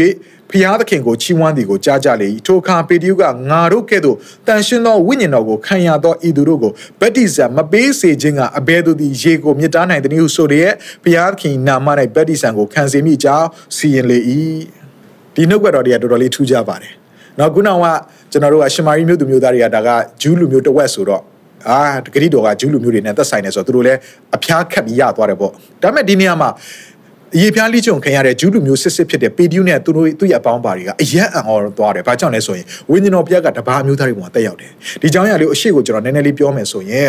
တမှုကောနေလိဆိုတာရှိတယ်။ယောမနိုင်ငံသားဖြစ်တယ်။ယောမပြည်သူဖြစ်တယ်။အဲ့တော့တမှုကောနေလိကအစာရှောင်ပြီးတော့မှ၄ရက်လုံးလုံးအစာရှောင်ပြီးတော့မှဆူတောင်းတဲ့ခါမှာယူပါယုံကိုရတယ်။ အဲ့တော့ဘုရားကကောနေလိကိုပြောတယ်မင်းရဲ့အစာရှောင်ရုံငါသိမှတ်တယ်။ရုပ်ပေမြို့မှာပေဒီယုဆိုတဲ့သူရှိတယ်။သူ့ကိုသွားပြီးခေါ်ဖိတ်ပါ။သူလာတဲ့ခါမှာဟောပြောပါလိမ့်မယ်။ဆိုပြီးတော့မှ ပေတီယုစီကိုသွားပြီးခေါ်ခိုင်းလိုက်တယ်တစ်ဖက်မှာလည်းဖခင်ကပေတီယုကိုယူပါယုံတစ်ခုပေးနေတယ်အဲ့ယူပါယုံကဘာလဲဆိုရင်အပေါ်ကနေပြီးတော့မှမိုးကောင်းငင်ပေါ်ကနေပြီးတော့ခြုံလွှာကြီးတစ်ခုကျလာပြီးတော့အဲ့ထဲမှာညင်ညူးတဲ့ဘုရားခင်တားမြစ်ထားတဲ့ညင်ညူးတယ်လို့သတ်မှတ်ထားတဲ့တိရစ္ဆာန်တွေအကုန်လုံးပါလာတယ်အဲ့ဒီတိရစ္ဆာန်တွေကိုစားပါလို့ပြောတဲ့အခါမှာပေတီယုကဒါညင်ညူးသောမစင်ကြယ်သောအရာဖြစ်တယ်ဘုရားကငါစင်ကြယ်တယ်ဆိုရင်မင်းစင်ကြယ်တယ်ဆိုတော့သတ်မှတ်ရမယ်အဲ့တော့တစ်ချိန်တစ်ပြိုင်နက်ထဲမှာပဲတမှုကောနေလေးရဲ့လူတွေကလည်းပေတီယုကိုခေါ်ဖို့အိမ်အောက်ကိုရောက်လာတယ် ဖခင်ကသူတို့လာခေါ်နေတယ်မင်းဆင်းပြီးလိုက်သွားပါကောနေလီဆိုတာရှိတယ်မင်းလိုက်သွားပါဆိုတဲ့ခါမှာသူလိုက်သွားတယ်ဆိုတော့အကြောင်းအရာတွေကဒါလေးဖြစ်တယ်ပီတီယုကတရားဆဟောတယ်ဒီနေရာမှာထူးခြားတဲ့အရာတစ်ခုကပီတီယုကနှုတ်ကပတ်တော်ဟောနေတာအဆုံးတော်မရောက်လိုက်သေးဘူးနှုတ်ကပတ်တော်ဟောတာတဝက်တစ်ပြက်ပဲရှိသေးတယ်နှုတ်ကပတ်တော်ကိုအရန်စာငလွန်အားကြီးစွာနဲ့စောင့်မျှော်ပြီးနားထောင်နေတဲ့သူတွေကလေစာငလွန်အားကြီးလွန်းလို့ဝိညာဉ်တော်ဘုရားကဆင်းသက်လာတယ်ပေတရုတရားဟောတာပြီးဖို့ရန်အတွက်လို့ပါ ဝိညာဉ်တော်ဖျားစောင့်မနေတော့ဘူးချက်ချင်းပဲဝိညာဉ်တော်ဖျားတက်ရောက်လာတယ်ဘာအဖြစ်သိရလဲသူတို့အမျိုးမျိုးသောဘာသာစကားအဖြစ်ဟောပြောတယ်တဲ့အမျိုးမျိုးသောဘာသာစကားနဲ့ပြောတဲ့အခါမှာဝိညာဉ်တော်ဆင်းသက်ပြီးဆိုတော့ချက်ချင်းပဲပေတီတို့ကသဘောပေါက်လိုက်ပြီဟာငါတို့လို့နော်ငါတို့ကိုဘုရားသခင်ကပြီးုံတာမကပဲနဲ့တပါးအမျိုးသားတွေကိုလည်းဘုရားသခင်ကဝိညာဉ်တော်ကိုပြီးပါလားဆိုတော့ကိုအံ့ဩစွာနဲ့မိမောတွေ့ဝေကြတယ်တကယ်တော့ဒီလူတွေကရေပက်တိစုံမခံယူရသေးဘူး ယေပတိဆန်တော်မခံယူရသေးပေမဲ့ယေရှုခရစ်တော်ကိုယုံကြည်လက်ခံထားတဲ့သူတွေဖြစ်တဲ့ကြောင့်ဝိညာဉ်တော်ပတိဆန်သူတို့ရသွားတယ်။ဒါကြောင့်ပေတရုကပြောလဲဟာဝိညာဉ်တော်ပတိဆန်တော်ခံယူပြီးသားဆိုမှတော့ယေပတိဆန်ကတော့အိုးယေပဲယေကမှငါတို့တားလို့မရတော့ကဲယေပတိဆန်ပြီးမှဖြစ်မယ်ဆိုရယေပတိဆန်နောက်ကနေပြီးတော့မှလိုက်ပြီးပေးရတယ်။ဒါဆိုရင်ဘာကိုနားလဲမလဲ။ ရေဗက်တိဆန်မခံယူရသေးပေမဲ့လည်းဝိညာဉ်တော်ဗက်တိဆန်ခံယူခြင်းကိုကျွန်တော်ရနိုင်တယ်။ဘာဖြစ်လဲယေရှုခရစ်တော်ယုံကြည်ခြင်းနဲ့စာငှက်တောက်လောင်ကြပြရနိုင်တယ်။ခဏနေကြလည်းပို့ပြီးအသေးစိတ်ကိုကျွန်တော်လေ့လာမှာဖြစ်တယ်။တတိယအဖြစ်ပြက်ကတမန်တော်ဝတ္ထုခန်းကြီး7ကိုအငယ်1ကနေ6မှာနည်းနည်းလေးရှေ့ပါတယ်ကျွန်တော်ဖ တ်သွားရအောင်အတူတူကဖတ်ရအောင်အာပေါလုသည်ကောရိန္သုမြို့၌နေစဉ်ပေါလုသည်အထက်ရက်များသို့ရှောက်သွားပြီးမှအေဖက်မြို့သို့ရောက်၍တပည့်တော်အချို့တို့ကိုတွေ့လျင်သင်တို့သည်ယုံကြည်သည်နောက်တန်ရှင်သောဝိညာဉ်တော်ကိုခံကြပြီလို့မေးသည်ရှိသောတန်ရှင်သောဝိညာဉ်တော်တက်ရောက်သည်ကိုကျွန်တော်တို့မသိပါဟုပြောဆိုကြ၏ပေါလုကလည်းတို့ဖြစ်လျင်သင်တို့သည်အဘယ်မည်သောပရိသန်ကိုခံကြသည်ဟု မေးလျင်ယောဟန်၏ပရိသန်ကိုခံပါသည်ဟုပြောဆိုကြ၏ပေါလုကလည်းယောဟန်ကငါနောက်ကြွလာသောသူကိုယုံကြည်ရမည်ဟုလူများတို့အားပြောဆိုလျက်နောင်တနှင့်ဆက်ဆိုင်သောပရိသန်ကိုပေးထိုသောဆိုရ၌ယေရှုခရစ်ကိုဆိုလိုသည်ဟူသောစကားကိုကြားလျင်ထိုသူတို့သည်သခင်ယေရှု၏နာမ၌ပရိသန်ကိုခံကြ၏ပေါလုသည်လည်းသူတို့အပေါ်၌လက်ကိုတင်လျင်တန်ရှင်းသောဝိညာဉ်တော်သည်စင်သက်တော်မူသဖြင့်ထိုသူတို့သည်အမျိုးမျိုးသောဘာသာစကားကိုပြော၍ပရောဖက်ပြုကြ၏ဒီအကြောင်းအရာလေးတော်တော်လေးစိတ်ဝင်စားဖို့ကောင်းတယ် ပေါ်လူကအေးဖက်မြို့ကိုရောက်သွားတဲ့ခါမှာဒီနေရာမှာရေးထားတဲ့စကားလုံးကတပည့်တော်အချို့လို့ရေးထားတယ်။ယုံကြည်သူအချို့လို့မရေးထားဘူး။အေးဖက်မြို့သူမြို့သားတွေလို့မရေးထားဘူး။တစုံတစ်ခုကိုသူကင်ပွန်းတက်ထားတယ်အဲ့ဒါကတပည့်တော်အချို့တပည့်တော်ဆိုတာဘယ်သူတွေကိုသတ်မှတ်တာလဲယေရှုခရစ်တော်တက်ရှိထင်ရှားရှိတဲ့ချိန်မှာယေရှုခရစ်တော်နောက်ကိုလိုက်ခဲ့တဲ့ထက်ချက်မကွာလိုက်ခဲ့တဲ့အရင်နှီးဆုံးသောသူတွေကိုတပည့်တော်တွေလို့ခေါ်တယ် ဒါဆိုရင်ဒီမှာတပည့်တော်ဆိုစကားလေးကိုတွေ့ရတဲ့အပြင်သူတို့ကဘာပြောလဲဆိုတော့နော်ပေါလုကတွေ့တဲ့ခါမေးတဲ့ခါမှာသင်တို့ဒီယုံကြည်သည်နောက်တဲ့တန်ရှင်းသောဝိညာဉ်တော်ကိုခံကြပြီလို့လို့မေးသည်ရှိတော့တဲ့တန်ရှင်းသောဝိညာဉ်တော်တိတ်ရောက်သည်ကိုကျွန်တော်တို့မသိပါယေရုရှလင်မြို့မှာဖြစ်ပျက်တဲ့အဖြစ်ပျက်ကိုသူတို့မသိကြဘူးဆိုတဲ့သဘောတရားဒီယေရုရှလင်မြို့နဲ့သူတို့အလံဝေးကွာနေတာကြာပြီဆိုတဲ့ຢာကိုနားလေရတယ်။နောက်အဲ့ဒီပြင်ကိုဘာတွေ့ရလဲဆိုတော့ပေါလုကလည်းတို့ဖြစ်ရင်သင်တို့ဒီအဘယ်မီသောဗတ္တိဆန်ကိုခံကြတဲ့နေကိုမေးလျင်ယောဟန်ဤဗတ္တိဆန်ကိုခံကြပါသည်ကိုပြောဆိုကြ၏။ ဝေါဒါဆိုရင်ယောဟန်ရဲ့ဗတ္တိဆန်ကိုခံယူတယ်ဆိုကြတဲ့ကယေရှုခရစ်တော်သက်ရှိထင်ရှားရှိတဲ့အချိန်မှာကလေးယောဟန်ကခေါင်းဖြတ်သက်ခံရပြီးသွားပြီယေရှုခရစ်တော်စပြီးအမှုဆောင်တဲ့ချိန်မှာယောဟန်ကထောင်ထဲကိုရောက်သွားပြီဗတ္တိဆန်ထပ်ပြီးမပေးနိုင်တော့ဆိုတဲ့သဘောတရားဒီယောဟန်ကဟိုးရင်တုန်းကပေးထားတဲ့ရေဗတ္တိဆန်တို့ခံယူပြီးပြီဆိုတာနားလေရတဲ့အပြင်တပည့်တော်ဆိုတော့ကိုပြောထားတဲ့ကြောင့် ကျွန်တော်နားလေသဘောပေါက်ရတဲ့အရာကယေရှုခရစ်တော်ရေပက်တိဆန်ခံယူတဲ့အချိန်မှာသူတို့လည်းအဲ့မှာရေပက်တိဆန်ကိုခံယူပြီးတော့မှတခါတည်းယေရှုခရစ်တော်ကိုယောဟန်က mention လုပ်လိုက်တယ်ပြောလိုက်တဲ့အတွက်ကြောင့်ယေရှုနောက်ကိုထက်ချက်မကွာလိုက်ခဲ့တော်သူတွေဖြစ်ကြသူတို့ကိုတပည့်တော်ဆိုတဲ့နာမည်ကိုတတ်ထားတာဖြစ်တယ်အဲ့တော့ဒီတပည့်တော်တွေကိုကျွန်တော်တို့စဉ်းစားကြည့်တဲ့အခါမှာယေရှုခရစ်တော်ကောင်းကင်ကိုမတက်ကြွသေးခင်မှာသူနဲ့အတူတပည့်တော်900ကျော်ရှိနေတယ်ယေရှုကပြောလဲစောင့်နေပါဘယ်မှမသွားပါနဲ့ဝိညာဉ်တော်ဆင်းသက်လာလိမ့်မယ် ဒါပေမဲ့ကြားတဲ့သူကအယောက်900ရှိတယ်ဝိညာဉ်တော်ကိုတကယ်တမ်းစောင့်ပြီးရသွားတဲ့သူက120ပဲရှိတယ်ကျန်တဲ့အယောက်380ကပဲရောက်သွားလဲယေရှုခရစ်တော်တက်ကြွသွားတာနဲ့ချက်ချင်းပဲသူတို့ဒီစိတ်လှရှားပြီးတော့မှဖခင်ရဲ့စကားကိုနားမထောင်ပဲနဲ့ အရင်တော့ကယေရှုခရစ်တော်နဲ့တူရှိခဲ့တော့အတွေ့အကြုံတွေယေရှုခရစ်တော်ရှင်ပြန်ထမြောက်ခြင်းကိုတွေ့မြင်တဲ့အခါမှာငါတို့သခင်ကတည်တော်ဖခင်မဟုတ်ဘူးတည်တော်သူမဟုတ်ထမြောက်တော်ဖခင်ဖြစ်တယ်ဆိုတာကိုမြင်တွေ့ကြားသိခဲ့ရတဲ့အရာတွေကိုအခြေပြုပြီးတော့မှသူတို့ရဲ့အတွေ့အကြုံတွေပေါ်မူတည်ပြီးတော့မှစိတ်လှရှားမှုနဲ့လိုက်ပြီးဝင်ကဟောပြောတာဖြစ်ပါလိမ့်မယ်ဒါကြောင့်120တော့တပည့်တော်တွေပဲဝိညာဉ်တော်ဖခင်ကိုလက်ခံရရှိသွားတာဖြစ်တယ်ဒါဆိုကျွန်တော်ဒီနေရာမှာကောက်ချက်ဆွဲလို့ရတဲ့အရာကဒီတပည့်တော်အချို့ကခုနပြောသွားတဲ့အယောက်380ထဲမှာပါတဲ့တပည့်တော်အချို့ဖြစ်နိုင်တယ်အဲ့ဒီတည်းကသူတို့ကထွက်သွားကြတာ ဒါကြောင့်ယေရုရှလင်မြို့မှာဝိညာဉ်တော်ဖျားဆင်းသက်လာတဲ့ဆိုတဲ့အကြောင်းကသူတခါမှမကြားဘူးအဲ့မှာပေါလုကပါလို့လေနောင်တနဲ့ဆက်ဆိုင်သောဗတ္တိဇံကိုပြန်ပြီးပေးတယ်အဲ့ဒီပြင်တခါတည်းသူတို့ပေါ်မှာလက်ကိုတင်ပြီးဆူတောင်းပြီးတော့တန်ရှင်သောဝိညာဉ်တော်ဗတ္တိဇံကိုရသွားတယ်အဲ့တော့ဒီနှုတ်ကပတ်တော်တွေကိုကြည်ခြင်းအပြင်ယေပတ္တိဇံခံယူခြင်းယေရှုခရစ်တော်ယုံကြည်လက်ခံခြင်းနဲ့ဝိညာဉ်တော်ဗတ္တိဇံခံယူခြင်းချက်ချင်း automatically ရသွားတာမဟုတ်ဘဲနဲ့ကြားထဲမှာတစုံတယောက်သောဆူတောင်းပေးခြင်းနဲ့တော့အခြေအနေတွေကိုဖျက်ဆီးပြီးမှရတယ်ဆိုတဲ့အရာလေးကိုတွေ့မြင်ရပါတယ်ဒါကြောင့်ပိုပြီးရှင်းရှင်းလင်းလင်းနားလည်ဖို့ရလုံကကျွန်တော်ဒါလေးကိုထပ်ပြီးပြောပြခြင်းနဲ့ကျွန်တော်တို့လက္ခဏာသက်သေထင်ရှားခြင်းတွေရှိတယ်ဒီလက္ခဏာထင်ရှားတဲ့လက္ခဏာသက်သေကဘာတွေလဲကျွန်တော်ကြည့်ရအောင်ရေဘက်ဒီဆန်ခံယူခြင်းရဲ့ထင်ရှားတဲ့လက္ခဏာသက်သေကယေရှုဆိုခြင်းဖြစ်တယ်ဟုတ်တယ်နော်ကျွန်တော်ရေထဲကိုသူ့ကိုနှက်လိုက်တယ် ထလာတဲ့အချိန်မှာဒီလူကပဋိဆန်ခံပြီးပြီဆိုတာဘာဖြစ်သိရလဲရေဒီဆိုရွှဲနေတာပဲလေသူရဲ့ကိုယ်ခန္ဓာမှာထင်ရှားတဲ့လက္ခဏာသက်တည်းကဆိုရွှဲနေတဲ့ကိုယ်ခန္ဓာကြီးဒါကိုမြင်ရတယ်ဒါဆိုရင်ဝိညာဉ်တော်ပဋိဆန်ခံပြီးသွားပြီဆိုတဲ့အရာကိုဘယ်အားဖြင့်ထင်ရှားလဲ။နောက်ခုနောက်မှာကျွန်တော်ဖတ်သွားတဲ့နှုတ်ကပတ်တော်တွေကထင်ထင်ရှားရှားမြင်ရတဲ့အရာကဒီနေရာမှာရေးထားတဲ့ဝိညာဉ်တော်ပဋိဆန်ခံခြင်းရဲ့ထင်ရှားသောလက္ခဏာကအခြားသောဘာသာစကားအမျိုးမျိုးသောဘာသာစကားပြောခြင်းကျွန်တော်ခုနကလိလာသွားတဲ့အဖြစ်ပြက်၃ခုအရာထင်ထင်ရှားရှားတွေ့မြင်ရတဲ့အရာတွေရှိတယ်။အကုန်လုံးကပုံစံတူတွေကြီးပဲ။ ဝိညာဉ်တော်ပတ္တိဆန်ခံယူသောသူတိုင်းကအမျိုးမျိုးသောဘာသာစကားကိုပြောတယ်ဆိုတဲ့ຢာကိုတွေ့ရတယ်။အခြေအနေသုံးခုစလုံးမှာအဖြစ်အပျက်သုံးခုစလုံးမှာအဲ့ဒါကိုတွေ့ရတယ်။ဆိုတော့ဒီနေရာမှာ ကျွန်တော်နောက်ထပ်ကျမ်းပိုင်တစ်ခုဖတ်ချင်တယ်ဒီဟာကတော့ခုနသုံးမျိုးကတော့ထပ်ဆင့်ပြောမှဒါအာတပည့်တော်တွေကသွားလို့ဖြစ်လာတဲ့အရာလို့ပြောစရာအကြောင်းရှိတယ်ဒါပေမဲ့တကယ်မူရင်း originally အထက်ကလာတဲ့ဝိညာဉ်တော်ကိုပထမအဆုံးရရှိတဲ့တပည့်တော်120ရဲ့ပထမအဆုံးဖြစ်ပျက်တဲ့လက္ခဏာတတ်တွေကပါလဲဆိုတော့ကျွန်တော်ကြည့်အောင်တမန်တော်တမန်တော်ဝတ္ထုအခန်းကြီး2အငယ်၄မှာထို့သူပေါင်းတို့သည်လည်းတန်ရှင်းသောဝိညာဉ်တော်နှင့်ပြည့်၍ ဝိညာဉ်တော်သည်ဟောပြောသောအခွင့်ကိုပေးတော်မူသည့်တိုင်အမျိုးမျိုးသောဘာသာစကားပြင်ဟောပြောကြ၏120သောတပည့်တော်အားလုံးကဝိညာဉ်တော်ကိုရတဲ့အခါမှာချက်ချင်းပဲသူတို့နှုတ်ကအခြားသောဘာသာစကားမျိုးမျိုးသောဘာသာစကားထွက်လာတယ်ဆိုတော့တွေ့ရတယ်။ချက်သားညီကိုမောင်တို့ဒီနေ့သင်ရဲ့တက်တာထဲမှာဝိညာဉ်တော်ဗတ္တိဆန်ခံခြင်းရဲ့လက္ခဏာတက်တဲ့ထင်ရှားခြင်းရှိပြီလား ဒါဆိုရင်သင်ရဲ့အသက်တာမှာအဲ့ဒီဝိညာဉ်တော်ဗတ္တိဆန်ခံယူခြင်းထင်ရှားခြင်းတက်တဲ့မရှိဘူးဆိုရင်သင်ဒီဘာကိုလိုအပ်နေတယ်လို့ပြောနေတာလေဝိညာဉ်တော်ဗတ္တိဆန်ခံယူဖို့လိုအပ်နေသေးတယ်လို့ပြောခြင်းဖြစ်တယ်အဲ့တော့နောက်တစ်ခုကျွန်တော်တို့ကြည့်အောင်ဝိညာဉ်တော်၌ဗတ္တိဆန်ခံခြင်းကဘလောက်အရေးကြီးတယ်လဲကာကြီးနေနဲ့ပထမအဦးဆုံးတစ်ချက်အနေနဲ့အမိတ်ဖြစ်တဲ့ရွေးချယ်ပိုင်ခွင့်မဟုတ်ပါဘူးခါကြီးကျွန်တော်တို့ကအော်ငါယုံကြည်သူဖြစ်တယ်ဒါကတော့ငါရွေးချယ်လို့ရတယ်လို့ထင်တတ်တယ်မဟုတ်ဘူးဖခင်ကဝိညာဉ်ဗတ္တိဆန်ခံဖို့အမိန့်ကိုပေးထားတာ နော်အဲ့ဒါကိုနှုတ်ဘက်တော်ကကြည့်အောင်ယောဟန်ခန်းကြီး3အငယ်9ယေရှုကလည်းယေနှင့်ဝိညာဉ်တော်မမွေးသောသူမည်တကားဖျားသခင်နိုင်ငံတော်သို့မဝင်ရဟုငါအမှန်ကန်ဆို၏ရေပြီးသွားရင်ဝိညာဉ်တော်၌ဗတ္တိဇံခံယူခြင်းဒါကခုနကျွန်တော်ဖတ်သွားတဲ့ကျမ်းပိုက်လေးဖြစ်တယ်အဲ့လိုမလုပ်ဘူးဆိုရင်ဘုရားသခင်နိုင်ငံတော်သို့မဝင်ရယောဟန်ခန်းကြီး20အငယ်22မှာထိုသူတို့အပေါ်မှာမှုတ်လျက်သင်တို့သည်တန်ရှင်းသောဝိညာဉ်တော်ကိုခံကြလောဒီနှုတ်ကပတ်တော်ကယေရှုခရစ်တော်ရှင်ပြန်ထမြောက်ပြီးအခါမှာလှုပ်ဆောင်တဲ့အရာလေးဖြစ်တယ် တပည့်တော်တွေသူ့ရဲ့အနာမှာရှိခါမှာယေရှုခရစ်တော်ကသူတို့ပေါ်မှာမှုတ်လျက်မှုတ်သွင်းတယ်ဒါကိုကျွန်တော်ဘယ်မှာတွေ့ရလဲကပ္ပဦးကျမ်းထဲမှာလူရဲ့ထဲမှာဇီဝသက်ကိုမှုတ်သွင်းခြင်းကိုပုံဖော်တဲ့အရာကျွန်တော်တို့ရှေ့မှာအပိုင်းသုံးမှာလေ့လာတဲ့အရာ pneuma ဆိုတဲ့ရှင်ကျင်းသက်ကိုမှုတ်သွင်းပေးတဲ့အရာကိုဖော်ပြခြင်းဖြစ်တယ်သူတို့ပေါ်မှာမှုတ်လိုက်တဲ့အခါမှာဘာကိုရတယ်သူတို့ဒီရှင်ကျင်းသက်ကိုရသွားတယ်အဲ့ဒီပြင်ယေရှုကဘာကိုထပ်ပြောလဲ သင်တို့ဒီတန်ရှင်းသောဝိညာဉ်တော်ခံကြလို့ဒီတန်ရှင်းသောဝိညာဉ်တော်လို့ပြောတဲ့အခါဘာကိုပြောနေတာ Paracletos Dunamis ကိုပြောခြင်းဖြစ်တယ်သူတို့ထဲမှာ pneuma ကိုယေရှုခရစ်တော်ရဲ့မှုတ်သွင်းလိုက်ခြင်းအပြင်သူတို့ထဲမှာရသွားဒါပေမဲ့ယေရှုခရစ်တော်သူတို့ဘာကိုထပ်ပြီးလက်ခံခိုင်းလဲတန်ရှင်းသောဝိညာဉ်တော်ကိုခံကြလော့လော့ဆိုတာအမိန်ဖြစ်တယ်ရွေးချယ်ပိုင်းကမဟုတ်ဘူးမင်းတို့ဝိညာဉ်တော်ဘုရားကိုလက်ခံရင်လက်ခံပါလက်မခံရင်လည်းနေပါမင်းတို့သဘောပါပဲလို့မပြောဘူးလက်ခံကြလို့ဝိညာဉ်တော်ဘုရားကိုခံကြလို့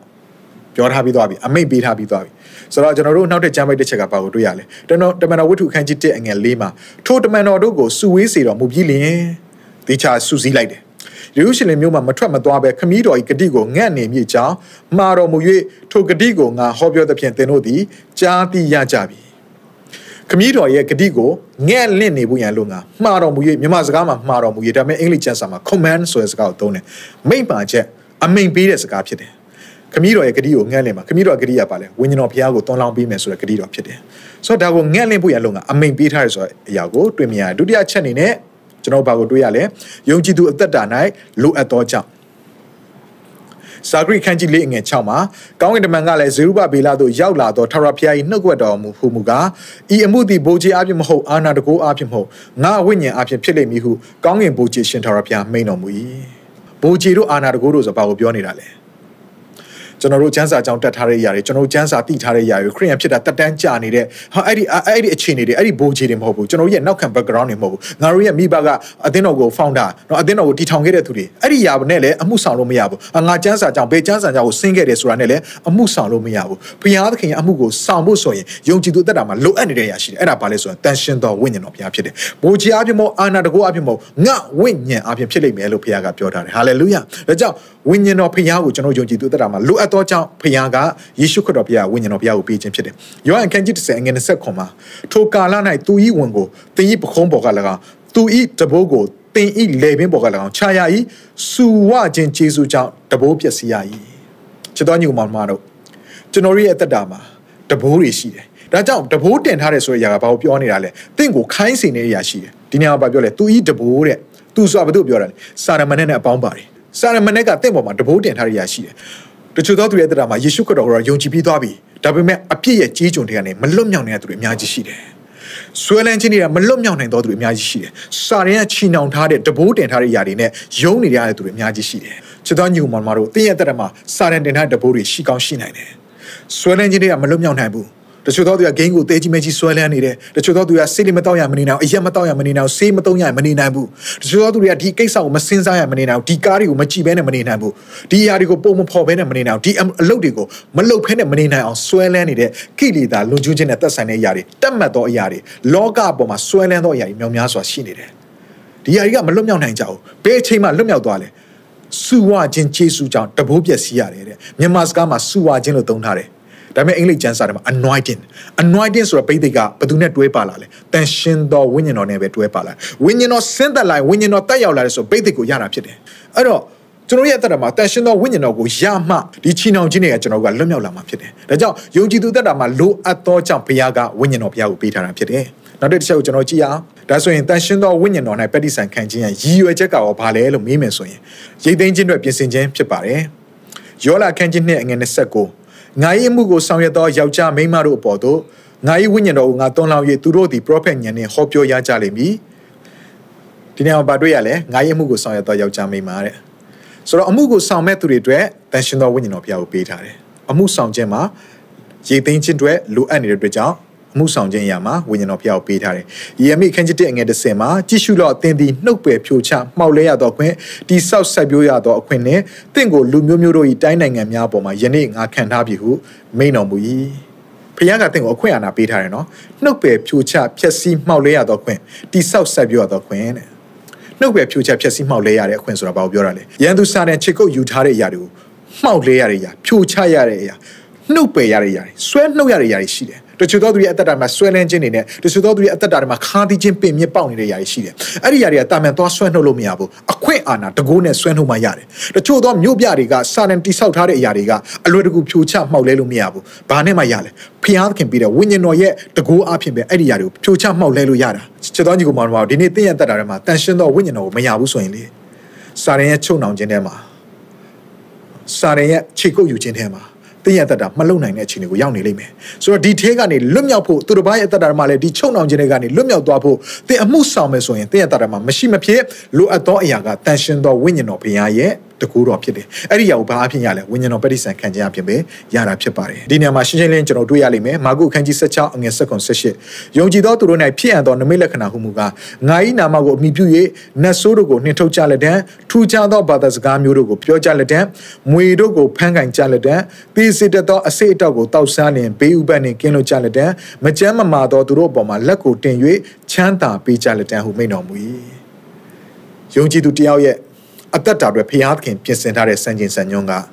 ဖျားရဲ့တကူတော်နဲ့သူ့ရဲ့အမှုကိုပြီးစီးအောင်ဆောင်ရွက်ဖို့ရတယ်ဖြစ်တယ်ဆိုတော့ဒီကျမ်းပိုက်လေးကလေကျွန်တော်ဒါလေးကိုနည်းနည်းလေးပြောပြခြင်းသေးတယ်ဒီကျမ်းပိုက်ကိုဖတ်တိုင်းမှာလေယုံကြည်သူတွေကဒီကျမ်းပိုက်ဆိုရင်ကြော်သွားခြင်းတယ်ဒီကျမ်းပိုက်ဆိုရင်အသိမဖတ်ချင်ကြဘူးဘာကြောင့်လဲသိလားအရန်ကို over လွန်လွန်ကျူးကျူးပြောထားတယ်လို့ခံစားကြတယ်ယုံကြည်သူတော်ဖြစ်နေတယ်ဒီချမ်းပိုက်ကိုဖတ်တိုင်းမှာအတွင်းထဲမှာမယုံကြည်နိုင်ဘူးဘာကြောင့်လဲဆိုအရန်လွန်လွန်ကျူးကျူးပြောထားတယ်လို့ထင်လို့လေ နတ်ဆိုးတွေကိုနှင်ထုတ်ကြတယ်ထူကြသောဘာစကားကိုပြောတယ်ဘုရားကပြောကိုပြောလိုက်မယ်လို့ဒီမှာပြောထားပြီးသားမွေတို့ကိုဖမ်းကင်ကြလက်တဲ့တေစစ်တဲ့တော့အစိတ်တော်ကိုတောက်ဆန်းလင်ဘေးဥပတ်နေကင်းလို့ကြားလက်တဲ့ဒါတချို့သောသူတွေထင်တာကဟာဝိညာဉ်တော်ဗတ္တိဇံခံပြောအခြားဘာစကားပြောပြီးလွန်လွန်ကျူးကျူးတွေဖြစ်ပြီးမှဟာဒီအဖွဲ့တွေကအစိတ်တွေလိုက်တောက်တဲ့အဖွဲ့နော်မွေတွေကိုလိုက်ဖမ်းတဲ့အဖွဲ့လို့အဲ့လိုထင်ကြတယ်တကယ်တော့အဲ့လိုမဟုတ်ပါဘူးကျွန်တော်တို့အမှုဆောင်တဲ့ခါမှာတချို့သောသူတွေကတေဖို့ရန်လို့ငါ တကယ်ကိုအစိတ်တွေထည့်ပြီးတော့မှတိုက်တဲ့ຢာတွေရှိတယ်ဒီຢာကဘာကိုပြောနေလဲဆိုရန်သူရဲ့ချောင်းမြောင်းတိုက်ခိုက်ခြင်းတွေပေါ်မှာကြော်လွှားအောင်မြင်နိုင်မယ်ဆိုတာပြောခြင်းဖြစ်ပါတယ်မသက်ခန်းကြီး30ငယ်9 8ကိုဖတ်ရအောင်သွားစဉ်တွင်ကောင်းကင်နိုင်ငံတော်တီလူနီးပြီဟုသတင်းကြားပြောကြလော့နာသောသူတို့အားချမ်းသာပေးကြလော့တေသောသူတို့ကိုထမြောက်စေကြလော့နူသောသူတို့ကိုတန်ရှင်းစေကြလော့နတ်ဆိုးတို့ကိုနှင်ထုတ်ကြလော့သင်တို့သည်အဖို့မပေးပဲကျေးဇူးတော်ကိုခံရကြပြီဖြစ်၍အဘိုးမခံပဲပေးကမ်းကြလော့နိုင်ငံတော်တီလူနီးပြီလို့ပြောကြားတဲ့အခါမှာတဲ့တခါတည်းနမိတ်လက္ခဏာကပါတွဲပါလာတယ် ဆိုတော့ကျွန်တော်ရဲ့တက်တာမပေါ့နားလဲရမလဲသတင်းကောင်းနဲ့ဟောပြောနေတဲ့သတင်းကောင်းနဲ့အဲ့ရဲ့သတင်းကောင်းရဲ့လက္ခဏာတတ်သိဖြစ်နေနမိတ်လက္ခဏာ deliverance လူတွေကိုနတ်ဆိုးချီနှောင်ခြင်းတွေကနေလွတ်မြောက်ခြင်းဆိုတဲ့အကြောင်းအရာတွေကိုကျွန်တော်တို့တပါးတည်းပေါင်းထားတယ်ဆိုရအောင်တွေ့ရတယ်။ဒါကြောင့်ဟောပြောယုံတတ်တတ်မဟုတ်ဘဲနဲ့အနောက်ကနေနမိတ်လက္ခဏာတွေလိုက်လာနေတယ်။ဒီဟာတွေအတွက်ဝိညာဉ်တော်ဖျားဝိညာဉ်တော်ပေးတဲ့တကူကိုလိုအပ်တယ်ဆိုတာကိုကျွန်တော်ဒီနေ့သိစေချင်တာဖြစ်ပါတယ်။နောက်တဲ့ခါကွေးအနေနဲ့ကားတိုင်းပေါ်မှာပြည့်စည်ခဲ့တော်မူတာတတ်သိပြနိုင်ရင် တေကောခန်းကြီးနဲ့အငယ်လေးကနေငါတင်တို့ဤယုံကြည်ခြင်းသည်လူပညာအဖြစ်မတီးဖျားသခင်တကောအဖြစ်တီးစေခြင်းကငါစကားငါဒေသနာသည်လူပညာနှင့်ရှင်သောဖျားယောင်းသောစကားနှင့်တကွာရှိသည်မဟုတ်ဝိညာဉ်တော်၏နမိတ်လက္ခဏာတကောနှင့်တကွာရှိ၏ကျွန်တော်တို့ဟောပြောနေတဲ့တရားဒေသနာကလူပညာစကားနဲ့တိဆောက်ထားတာမဟုတ်ဘူး။တန်ရှင်းသောဝိညာဉ်တော်ဘုရားရဲ့နမိတ်လက္ခဏာတကူတော်နဲ့တကွာရှိတယ်လို့အတီလင်းဒီနှုတ်ဘက်တော်မှာကျွန်တော်တို့တွေ့မြင်ရပါတယ်။ဒါကြောင့်ကျွန်တော်တို့ဒီလက်ဝါးကရမှာပြုခဲ့တဲ့တရားခ ရစ်တော်ကကျွန်တော်တို့ကိုစာရင်ရဲ့ချီနှောင်ခြင်းတွေကနေလွတ်မြောက်စေတယ်လက်ဝါးကတိုင်းတော့အပြင်လွတ်မြောက်စေတယ်ဆိုတဲ့အကြောင်းအရာကိုကျွန်တော်တို့ဟောပြောတဲ့အခါမှာလက္ခဏာတတ်တည်ဆိုတာလိုအပ်ပါတယ်အဲ့ဒါကပါလေနမိတ်လက္ခဏာတကူတော်ဒါကိုဝိညာဉ်တော်အဖြစ်ဘုရားကပေးနေတာဖြစ်တယ်ဒါကြောင့်တချို့သောသူတွေကဟောပြောတယ်တရင်ကောင်းတော့ဟောပြောနေတယ်ဘာဒါပေမဲ့ဘာတတ်တည်မှသူ့ရဲ့အတ္တမှာမတွေ့ရဘူးစာရန်ချီနှောင်တဲ့သူတွေကိုလွတ်မြောက်ခြင်းမပေးနိုင်ဘူးနတ်ဆိုးတွေမနှင်ထုတ်နိုင်ဘူးဘာကြောင့်လဲသူ့မှာအခွင့်အာဏာမှမရှိတာ ဟောတော့ဟောနေတယ်သူ့မှာတကိုးမရှိဘာနဲ့တူနေသလားတပည့်တော်တွေ900ထဲမှာဝိညာဉ်တော်မခံရတဲ့အယောက်380နဲ့သွားတူပြီးတော့မှဝိညာဉ်တော်ခံရတဲ့120ကဲ့သို့သောသူတွေမဟုတ်ဘူးဆိုတာတွေ့ရတယ်။တန်ရှင်သောဝိညာဉ်တော်ဘုရားကိုသင်လက်ခံကြိုးဆိုမှသာလေဝိညာဉ်တော်ဗတ္တိဆံခံမှသာလေအဲ့ဒီတကိုးနဲ့သင်အမှုဆောင်နိုင်မယ်ဆိုတာကိုဒီနှုတ်ဘက်တော်အပြင်ကျွန်တော်ထင်ရှားစွာတွေ့ရပါတယ်။နောက်တဲ့အကြောင်းအတစ်ချက်ကိုကျွန်တော်ကြည့်ရအောင်။အဲနောက်တစ်ချက်ကတော့ခရစ်တော်ကြီးအံ့ဩပွေသောတသက်တည်တူဖြစ်လာရင်တင့်ကိုယေရှုခရစ်တော်ကအံ့ဩပွေကောင်းသောတသက်တည်တယောက်ဖြစ်လာဝင်အတွက် incredible witnesses เนาะတကယ့်ကိုအံ့ဩဖွယ်ကောင်းတဲ့သက်သေတယောက်ဖြစ်လာဝင်ဘုရားခင်ပြင်ဆင်တာဒါကြောင့်ယောမအခန်းကြီး၈အငယ်7မှာထိုမြတ်မကယေရှုကိုတည်ခြင်းမှာထမြောက်စီတော်မူသောဘုရားသခင်ဝိညာဉ်တော်သည်သင်တို့ထဲ၌ကျင့်ဝတ်တော်မူလျင်ခရစ်တော်ကိုတည်ခြင်းမှာထမြောက်စီတော်မူသောဘုရားသည်သင်တို့ထဲ၌ကျင့်ဝတ်တော်ဝိညာဉ်တော်အပြင်တည်တက်သောသင်တို့၏ကိုယ်ကာယကိုပင်ရှင်စေတော်မူမည်ယေရှုကိုယုံကြည်ပြီးပြီခရစ်တော်ရဲ့အကြောင်းကိုလည်းကျွန်တော်ကြားသိပြီးသွားပြီကျမ်းစာအကြောင်းတွေတက်ချင်းအဖြစ်နဲ့နှုတ်ကပတ်တော်သေချာလေ့လာခဲ့ပြီးသွားပြီဒါမှမဟုတ်သင်တန်းတွေတက်ချင်းအဖြစ်ကျွန်တော်တို့ Bible study လုပ်ချင်အပြင်နှုတ်ကပတ်တော်တော့ရသွားပြီဒါပေမဲ့ကျွန်တော်တို့ရဲ့အထဲမှာအတွင်းထဲမှာကျွန်တော်တို့ကိုချုပ်နှောင်ထားတဲ့ຢာတွေကလွတ်မြောက်ဖို့ရန်လုံကတကူကိုလိုအပ်တယ်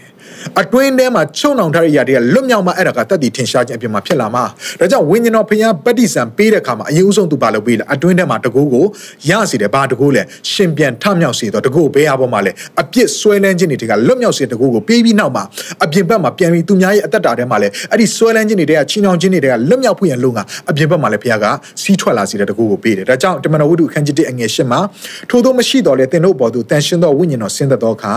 သင်တို့ဒီတကူကိုခံရ၍ယေရုရှလင်မြို့မှာစသောယူဒပြည်ရှမာရိပြည်မြေကြီးစွန်းတိုင်အောင်ငါဤတည်ဖြစ်ကြလိမ့်မည်ဟုမိန်တော်မူ၏ချစ်တော်ညီမတို့တင်းရဲ့တက်တာမှာတန်ရှင်သောဝိညာဉ်တော်ဖျားကိုလိုအပ်ပါတယ်အပြင်ဘက်မှာထင်ရှားတဲ့တက်တည်ဖြစ်လာဝင်လုံးကဝိညာဉ်တော်ဖျားကိုဒီနေ့ကြိုဆိုရအောင်တင်းရဲ့တက်တာထဲမှာနေရာပေးရအောင် ရဲရင်ချင်းနဲ့အထက်ကလာသောပညာပြည့်ဝသောတက်တည်ခံနေဖြစ်လာပါတယ်။တမန်တော်ဝတ္ထုအခန်းကြီး2အငယ်14မှာထိုအခါတစ်ကြိတ်တစ်ပါးသောတမန်တော်တို့နှင့်တကွာပေတရုသည်ထားလျက်ထိုသူတို့ကိုကျေသောတန်နှင့်ဟောပြောသည်ကယေရုရှလင်မြို့သားနှင့်ယူဒလူပေါင်းတို့သင်တို့သည်ဤယာကိုတိမှတ်၍ငါစကားကိုစစ်စစ်နာခံကြလော့။တပေတျုကထပြီးအာရပါရကျေသောတန်နဲ့ဟောတယ်လို့ပြောတယ်တကယ်တော့လေပေတျုဆိုတာ ကြောက်ပြီးပြေးပြီးပုံတဲ့သူတယောက်ဖြစ်တယ်ယေရှုကိုလာဖမ်းဆီးတဲ့အခါမှာသူဒီထွက်ပြေးရတော့သူဖြစ်တယ်အင်မတန်ကြောက်အားကြီးသောသူဖြစ်တော်လဲပဲယခုချိန်မှာဝိညာဉ်တော်ကိုလည်းရလေရအောင်သူကရဲရင်ခြင်းနဲ့ခြေသောတန်နဲ့ထပြီးတတ်သိခံတယ်ချစ်တော်ညီကိုမောင်နှမတို့တင်းရဲ့တက်တာမှာကြုံဘူးမှာပါ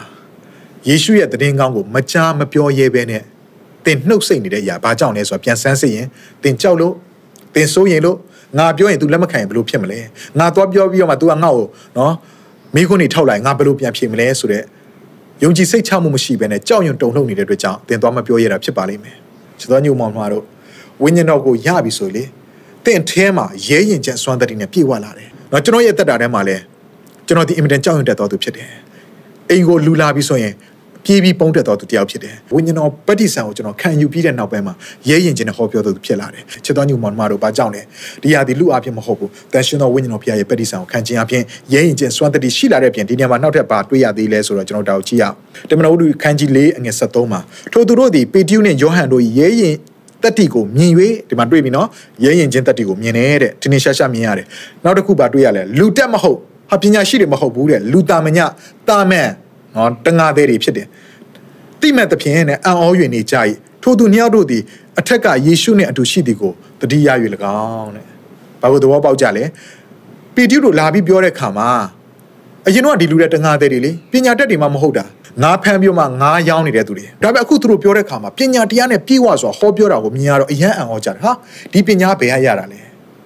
တန်ရှင်တော်ဝိညာဉ်တော်ပက်တီဆန်ခံလိုက်တဲ့ခါမှာလေအတွင်းထဲကရဲရင်ချင်းတတိတာမဟုတ်ဘဲနဲ့အထက်ကလာတဲ့ဉာဏ်ပညာနဲ့ပြေဝပြီးတော့မှဘယ်လိုဟောရမလဲဘသူတွေကိုဘယ်လိုပုံစံမျိုးဟောရဟောရမလဲဘယ်လိုလူမျိုးတွေကိုဘယ်လိုပုံစံမျိုးဟောရလဲဘယ်လိုမေးခွန်းတွေကိုဘယ်လိုမျိုးပြန်ဖြေရမလဲဆိုတဲ့အထက်ကလာတဲ့ဉာဏ်ပညာနဲ့ပြေဝခြင်းကိုပါတခါတည်းရသွားတယ်ဆိုတော့တွေ့ရတယ်ချစ်တော်ညုံမောင်တို့ဒါကြောင့်တင့်ရဲ့တတာမှာတန်ရှင်တော်ဝိညာဉ်တော်ပက်တီဆန်ခံယူဖို့ရန်လုံးကဒီနေ့မှာကျွန်တော်တင့်ကို copy ပြရစီ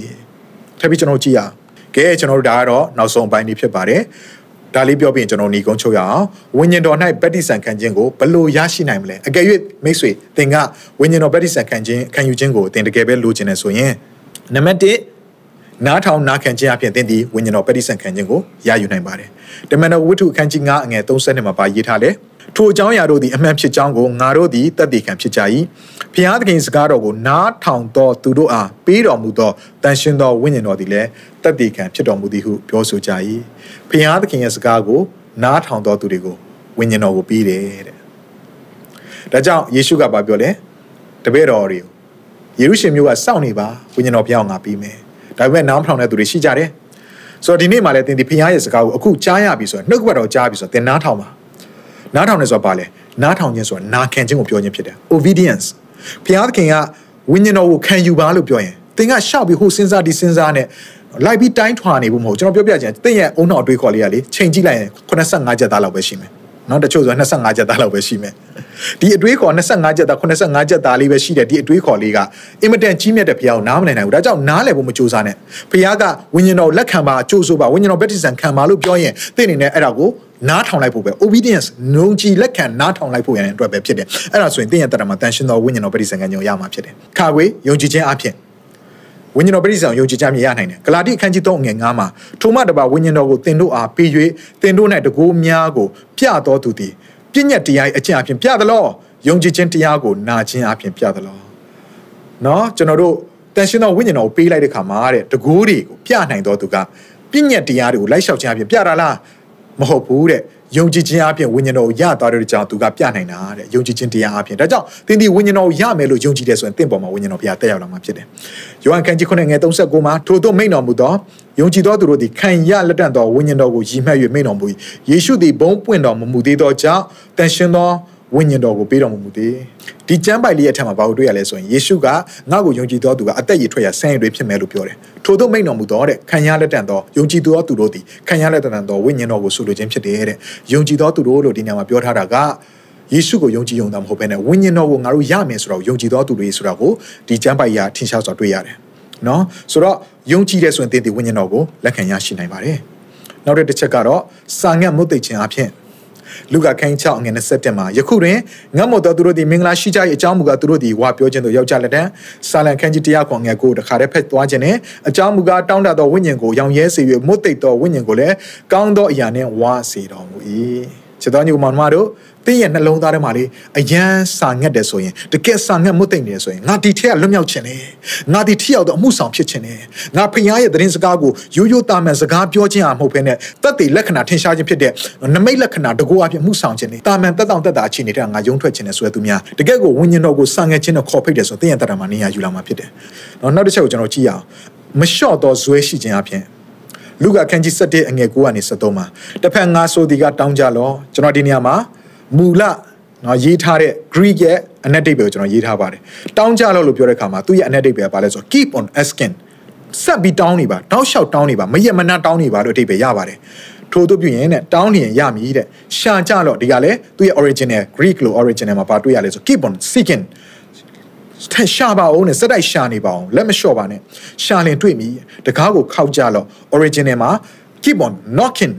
တောက်လျှောက်ခောက်နေပါမဖွင့်မချင်းခောက်နေပါခောက်လျင်ဖွင့်မယ်တဲ့တောင်းတော်သူမြည်တကယာယီရှာတော်သူလည်းတွေ့ခောက်တော်သူကလည်းတကားကိုဖွင့်ဘာကိုတောင်းခိုင်းတာလဲဘာကိုရမှာလဲဆိုရင်တဲ့နော်ဟိုအငယ်နော်73မှာပါတွေ့ရလဲဆိုရင်တင်တို့ဒီအစိုးဖြစ်လျက်ပင်ကိုသားတို့ကကောင်းသောရာကိုပေးတက်လျင်ထိုမြမကကောင်းငင်ပုံနဲ့ရှိတော်မူသောတင်တို့ပါသည်စူတောင်းတော်သူတို့အားတန်ရှင်းသောဝိညာဉ်တော်ကိုတာ၍ပေးတော်မူပြီမဟုတ်လော တောင်းလျှောက်မလျှော့တော့ဇွဲလုံးလုံးနဲ့တောင်းနေတယ်ဆိုရင်အဆက်မပြတ်တောင်းနေတယ်အဆက်မပြတ်ရှာနေတယ်အဆက်မပြတ်ဖျားကိုဒါကိုပဲကြီးကြနေတယ်ဆိုရင်ဖျားသခင်ကလေတန်ရန်ကိုတန်ရှင်းသောဝိညာဉ်တော်ပြောင်းပေးလိမ့်မယ်ကျွန်တော်ချစ်ရတဲ့နော်ညီကိုတယောက်ဆိုရင်ကျွန်တော်ကသူ့ကိုအမြဲတမ်းတက်တည်ခံနေပြောပြတယ်ဝိညာဉ်တော်အကြောင်းကိုလည်းကျွန်တော်ပြောပြတဲ့ခါမှာအခြားသောဘာစကားနဲ့တန်ရှင်းသောဝိညာဉ်တော်ပဋိဆန်ခံခြင်းကြောင်းရအောင်သူအရန်လိုချင်တယ်အဲ့တော့သူဆူတောင်းတယ်ဆူတောင်းတယ်ဆူတောင်းတယ်ရှေ့မှာကျွန်တော်တို့လက်တင်ပြီးဆူတောင်းပြီးခါမှာသူထွက်လာပြီးဆူတောင်းတယ်လဲကြတယ်ဒါပေမဲ့ဝိညာဉ်တော်ပဋိဆန်သူမရဘူး နိုင်ငံခြားဆရာတွေလာတဲ့ခါမှာဆူတောင်းပြီးသူထွက်ပြီးဆူတောင်းခံတယ်ပြည်တွင်းကဆရာတွေလာတဲ့ခါမှာဆူတောင်းပြီးသူထွက်ပြီးဆူတောင်းဆူတောင်းခံတယ်ဒါပေမဲ့မရဘဲနဲ့ကြာနေတယ်ဒီနေရာမှာကျွန်တော်တို့စိတ်ဝင်စားစရာကောင်းတဲ့ဖခင်ရဲ့သဘောတော်ဝါလေးကိုကျွန်တော်တွေ့ရတယ်တချို့သောသူတွေရဲ့တက်တာထဲမှာလေဝိညာဉ်တော်ဖခင်ကိုချက်ချင်းရသွားပြီတချို့သောသူတွေရဲ့တက်တာမှာဝိညာဉ်တော်ဖခင်ကိုမပေးဘဲနဲ့ဝိညာဉ်တော်ပဋိဆံကိုမရသေးဘဲနဲ့အချိန်စောင့်နေတဲ့ຢာလေးတွေရှိတတ်တယ်။ဘာကြောင့်လဲဆိုရင်တကယ်ကိုဇွဲရှိရှိနဲ့ လိုလိုလားလားနဲ့ဝိညာဉ်တော်ဖခင်မှမရရင်ငါရဲ့တက်တာမှာမဖြစ်တော့ဘူးဆိုတဲ့အခြေအနေထိရောက်တဲ့ထိဖခင်ကစောင့်နေဆိုတွေ့ရတယ်။ကျွန်တော်ဥမာအဖြစ်တမန်တော်120တပည့်တော်120ကိုတွေ့ရတယ်။ကြားတာကတော့အယောက်900ဒါပေမဲ့လက်ခံတော်သူကအယောက်120ဘာကြောင့်လဲစောင့်ရတာကိုစိတ်မရှိလာတော့ဘူး။တချို့သောသူတွေကပြန်ကုန်ကြတယ်။ဖခင်ကစောင့်နေပါမင်းတို့ဘယ်ဘယ်မှမတော်ပဲစောင့်နေပါ။အပေါ်တက်သွားပြီးနောက်ထပ်နာယီပိုင်းမှာယေရုရှလင်မြို့ကိုသူတို့စုဖိပြီးဆိုတာနဲ့တွန်းလောင်းပေးပါလားတန်ရှင်တော်ဝိညာဉ်တော်ဘုရားကိုမဟုတ်ဘူးမတွန်းလောင်းပေးဘူးဖခင်ကထပ်ပြီးစောင့်တယ်ဘသူတွေစိတ်ရှိတယ်လဲဆိုစောင့်ကြည့်တယ်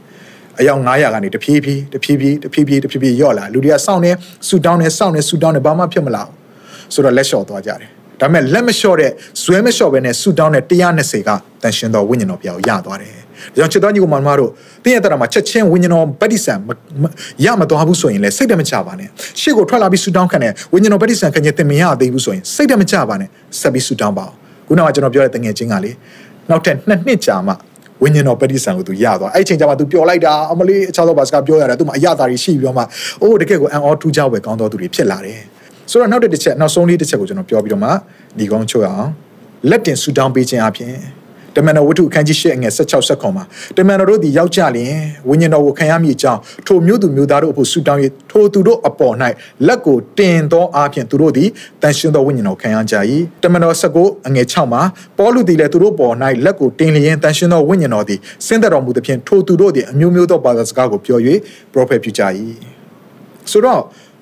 တင်းရဲ့တက်တာထဲမှာကျွန်တော်အားပေးခြင်းနဲ့ အကယ်၍တင်ဒီတန်ရှင်သောဝိညာဉ်တော်ပဋိဆန်ခံခြင်းကိုလိုချင်နေဆိုရင်တင်းရဲ့အနီးနားမှာဝိညာဉ်တော်နဲ့ပြည့်ဝတဲ့တန်ရှင်သောဝိညာဉ်တော်ပဋိဆန်ခံပြီးသားဆရာတွေရှိတယ်ဆိုရင်သူတို့စီကိုသွားပါနှိမ်ချသောနှလုံးသားနဲ့သူတို့ရှေ့မှမှာဒီပဋိဆန်ကိုကျွန်တော်လိုချင်ပါတယ်ကျွန်မလိုချင်ပါတယ်ကျွန်မကိုဆူတောင်းပေးပါကျွန်တော်ဆူတောင်းပေးပါဆိုပြီးမှသူတို့ရဲ့လက်တင်ဆူတောင်းပေးခြင်းခံယူပါ။ဘာကြောင့်လဲတမန်တော်ရဲ့အသက်တာထဲမှာလက်ကိုတင်ခြင်းအပြင်လူတွေကပဋိဆန်ကိုခံယူရရှိတယ်ဆိုတာကိုတွေးမြင်ရပါတယ်။အကယ်၍များသင်ကအဲ့လိုသွားဖို့ရန်အတွက်အခက်အခဲတွေရှိတယ်ဆိုရင်ကိစ္စမရှိပါဘူး။ခုနကကျွန်တော်ပြောတာအထက်မှာပြောတာအချက်၄ချက်အပြင်လဲဝိညာဉ်တော်လက်ခံရရှိနိုင်တာဖြစ်ပါတယ်။ဒါကြောင့်ချစ်တော်ညီကောင်မတို့ဒီနေ့မှာ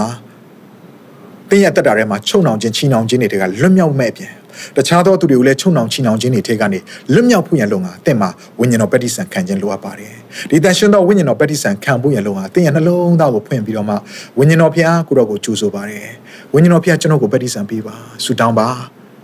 အဲ့ဒီခါမှာသင်ပါဖြစ်မလဲအဲ့ဒီရဲ့လက္ခဏာတက်တည်ထင်ရှားခြင်းသင်ရဲ့နှုတ်ဆက်စကားထွက်လာလိမ့်မယ်အဲ့ဒါကတော့အခြားသောပါစကားဖြစ်ပါတယ်အခြားသောပါစကားကအပြင်ကနေဝုန်းဆိုရောက်လာအောင်မဟုတ်ဘူးဝိညာဉ်တော်ဖျားတက်ရောက်လာတဲ့ခါမှာဝိညာဉ်တော်ဖျားအထဲကနေပြောမှာဖြစ်တယ်ဝိညာဉ်တော်ဖျားသင်ရဲ့အထဲမှာနေရာယူသွားပြီဖြစ်တဲ့ကြောင့်ဝိညာဉ်တော်ဖျားကသင်ကိုဘာသာစကားပေးတဲ့အခါမှာသင်နှုတ်ကိုဖွင့်ဖို့ရန်အတွက်အရန်ရည်ကြီးပါတယ်အခြားသောပါစကားကိုလေကားစီးနေရင်လည်းမှရသွားတဲ့သူတွေရှိတယ် အခြားသောဘာစကားကိုပစိုးပြင်ဝစ်နေရင်းနဲ့မှချက်ချင်းမဝိညာဉ်တော်ဗက်ဒီဆန်ခံရပြီးနှုတ်ကနေအခြားသောဘာစကားတွေထွက်လာတဲ့ဆရာကြီးတွေရှိတယ်ပစိုးဝစ်နေရင်းနဲ့ချက်ချင်းဝိညာဉ်တော်ဖျားကိုရတာတချို့ကဆူတောင်းနေရင်းနဲ့မှဖျားသခင်ကိုဝိညာဉ်တော်ဖျားကဘာဖျားလဲဘလို့ဖျားလဲကျွန်တော်နားမလဲအဲ့ဝိညာဉ်တော်ဖျားကိုကျွန်တော်သိစေပါဆိုပြီးတော့မှနော် against လုပ်နေရင်းနဲ့မှဝိညာဉ်တော်ကိုရသွားပြီးအခြားသောဘာစကားထွက်လာတဲ့ဆရာကြီးတွေလည်းရှိတယ်ဝိညာဉ်တော်ပဋိဆောင်တင်ရသွားတဲ့ကောင်မှာနှုတ်ကနေခြားသောဘာစကားထွက်လာမယ်ဆိုရင်မစီးတားပါနဲ့မပိတ်ထားပါနဲ့ယုံကြည်ခြင်းနဲ့ထုတ်ပြောပါယုံကြည်ခြင်းနဲ့ထုတ်ပြောပါယုံကြည်ခြင်းနဲ့ထုတ်ပြောပါ အဲ့ခါမှာဖခင်နဲ့တင့်ရဲ့ဝိညာဉ်ကအချိတ်ဆက်ရသွားပြီးတော့မှအံ့ဩဖွယ်ရကောင်းတဲ့ဖခင်ရဲ့ဝိညာဉ်ကြီးရဲ့နေပေထဲမှာတင့်ကိုဖခင်တင်ဆွဲခေါ်သွားပါလိမ့်မယ်။ဒါကြောင့်ဒီနှုတ်ကပတ်တော်လေးနဲ့တင့်ကိုကျွန်တော်ခွန်အားပေးပါတယ်။ဆိုတော့ကြားနိုင်အောင်သာမဟုတ်ဘဲနဲ့ဝိညာဉ်တော်ရတော်သူများဖြစ်ကြပါစေ။ဖခင်ရှင်အထူးကောင်းချီးပေးပါစေ။ဒီအစီအစဉ်လေးအပြင်တင်းရဲ့အသက်တာမှာကောင်းကြီးဖြစ်မယ်ဆိုတာကိုကျွန်တော်ယုံကြည်ပါတယ်ဗီဒီယိုကြည့်ပြီးခံယူလို့သူများအတွက်အပတ်စဉ်တရားဟောခြင်းများ Bible Study ကြီးမွန်ကိုယ်ွယ်ခြင်းနဲ့အခြားသောအကြောင်းအရာတွေဟာ တင်းအတွက်အဆင်သင့်ရှိနေပါတယ် YouTube မှာ The City Space TV လို့ရိုက်ထည့်လိုက်တဲ့အခါကျွန်တော်တို့ကိုတွေ့ရှိမှာဖြစ်ပါတယ် Subscribe လုပ်ခြင်းအပြင်တင်းနဲ့ထက်ချက်မကွာအမြင်ရှိနေပါပါဒါအပြင် Facebook မှာလည်း The City ရန်ကုန်လို့ရိုက်ထည့်လိုက်တဲ့အခါတည်င်းအချက်အလက်နဲ့ poster တွေကိုအချိန်နဲ့တပြေးညီတွေ့ရှိအောင်မှာဖြစ်ပါတယ်ခင်ဗျာ The City Podcast ကိုနားထောင်ကြတိုင်းဖျားသခင်ရဲ့ထူကြသောဖွင့်ပြချက်နဲ့ကောင်းကြီးမင်္ဂလာများခံစားမိကြောင်းကျွန်တော်ဆုတောင်းရင်ဒီ season လေးကိုဒီမှာပဲညံ့ပါပါရစေခင်ဗျာ